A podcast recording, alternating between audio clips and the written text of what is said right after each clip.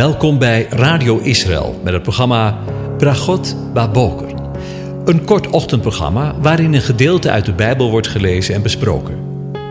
Met Bragot Baboker wensen onze luisteraars zegeningen in de ochtend. Presentator is Kees van de Vlist.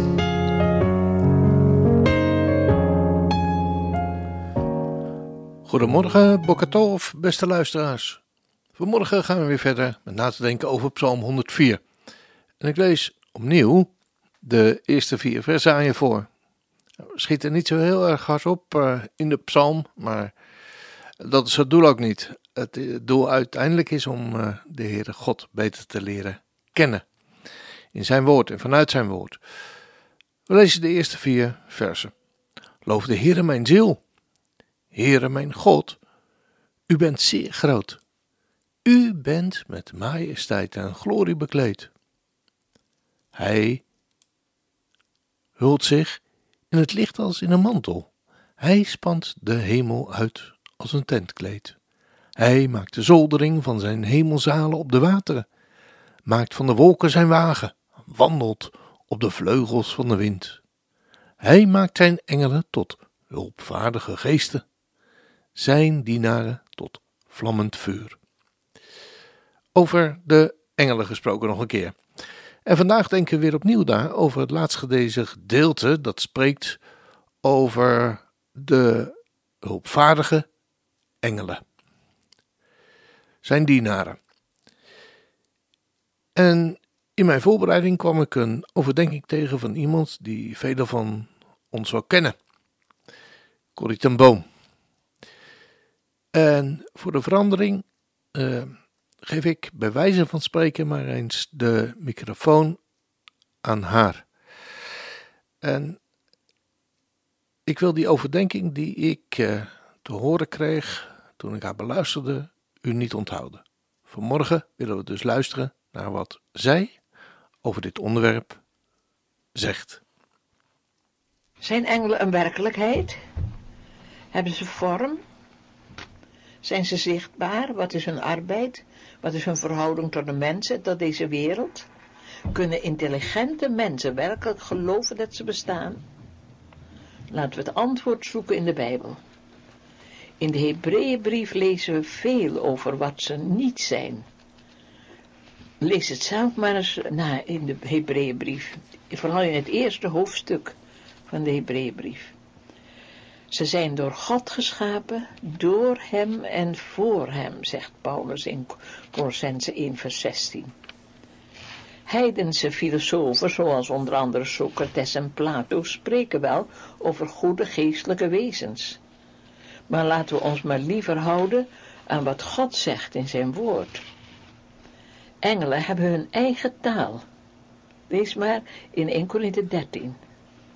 Judas, vers 6 schrijft over een plaats waar ze wonen. Als ik lees wat de engelen deden in de tijd dat de Bijbel geschreven werd, dan zijn het echte gangmakers. Schiet op, is hun woord. Sta op en ga. Petrus, Gideon, Jozef, Filippus, altijd hetzelfde. Tegen Jozef zeggen ze, toen het kindje Jezus in gevaar was, ga zo gauw mogelijk naar Egypte, schiet op. Als de mensen ze zagen, leken ze op jonge mannen, nooit mooie vrouwen en nooit met vleugelen. Cherubijnen, gerubs, hebben vleugelen, maar dat zijn eigenlijk andere hemelse wezens dan de engelen. Misschien zijn ze wel zichtbaar, maar onze ogen kunnen ze niet zien, omdat er lichtgolven zijn die wij niet onderscheiden kunnen. Alleen als de Heer een wonder doet, als hij het nodig vindt, kunnen mensen engelen zien. Soms kunnen dieren hun nog beter onderscheiden. De ezel van Biliam zag de engel voor zijn baas hem zag. Ik had een fijne ervaring in Zuid-Afrika. Het was een al te vol programma, maar het werk ging heerlijk. Maar op een dag had ik vijf meetings en was blij om half tien naar huis te gaan. Toen vertelden ze dat ik nog een zesde meeting had, maar ik weigerde. Maar de teleurstelling was zo groot dat ik begreep dat ik wel moest gaan. Het is een gewichtige feestavond van een belangrijke club en ze hebben veel reclame gemaakt dat je er spreken zult. Er zijn zielen te winnen. Heel wat bezoekers hebben nog nooit het evangelie gehoord. Wat zeiden ze allemaal? Nou, daarom ging ik er dan maar heen. Maar ik voelde me doodmoe. Toen ik ging spreken, voelde ik ineens dat mijn kracht terugkwam. De Heer gaf me een sterke, blijde boodschap. Na afloop kwam er een jonge man naar me toe. En hij vroeg me, was het moeilijk voor ons te spreken? Waarom? De hele tijd dat u sprak, zag ik een grote engel achter u staan. Hij hield zijn hand boven uw hoofd, of hij u beschermen wilde. Ik vroeg een vriendin die er was, zeg, zag jij iets toen ik sprak? Ja, er was een licht achter je, net zo lang als je sprak. En een ander vertelde, je zag er zo vermoeid uit, en ineens was alle vermoeidheid weg en je sprak zo sterk. Dat was een enige ervaring. Engelen hebben bovenmenselijke macht. Ze zijn immuun voor hitte en vuur. Simsons vader Manoach zag een engel komen uit het vuur van het altaar. En Nebuchadnezzar zag een engel bij Sadrach, Mesach en Abednego die in de vurige oven waren geworpen. Alle vier waren volkomen onbeschadigd door het vuur. Peter schrijft dat ze groot in macht en kracht zijn. David beschrijft ze in Psalm 103 vers 20 als gehoorzame dienaars. Maar er waren er ook die bleven bij Lucifer. Dus Satan, de duivel, toen hij rebelleerde tegen God. En ze werden mede geoordeeld. Ze hebben dus een keuze van goed en kwaad. Engelen weten niet alles. Bijvoorbeeld, de Bijbel zegt, ze weten niet de dag en het uur van Jezus' wederkomst. Ik sprak een korte tijd geleden in een kerk, waar ze een televisieopname maakten. Er was een hinderlijk licht, dat hel op mijn gezicht gericht was. Ik bad, Heer, ik weet niet of hier engelen zijn, maar als dat zo is, laat één engel tussen mij en dat licht komen, dat ik niet afgeleid word. Van dat moment af was het licht niet scherp meer. En toen ik de videotape later zag, was de opname goed van begin tot het eind. Ik geloof dat we mogen vragen om de hulp van engelen. We mogen van hun hulp genieten. God voor ze danken. Maar aanbidden mogen we alleen Hem die waardig is den Koning der Koningen, Jezus Christus, den Heer, voor wie eens alle knie zich buigen zal. Het lam dat geslacht is en waard is te ontvangen alle eer en rijkdom en macht en eer en aanbidding.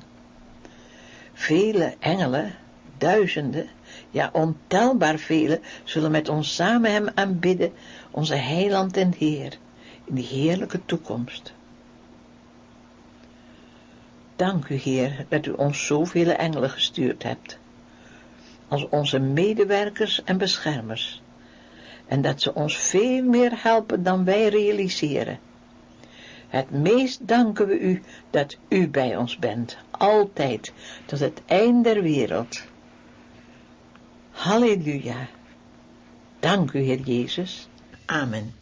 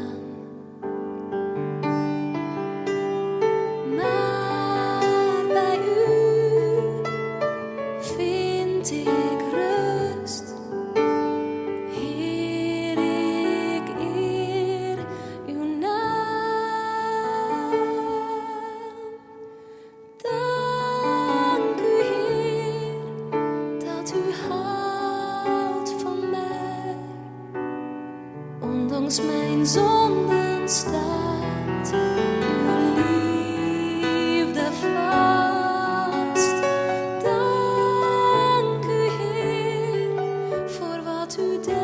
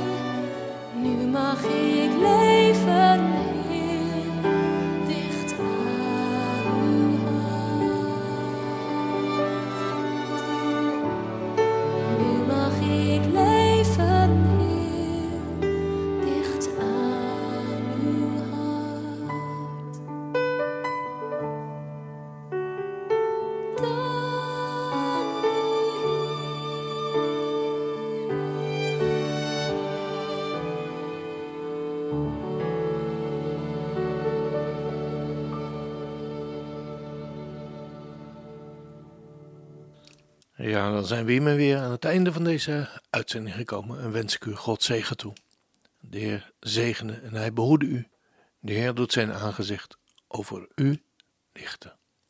De Heer verheft zijn aangezicht over u en geeft u zijn vrede, zijn shalom. Amen.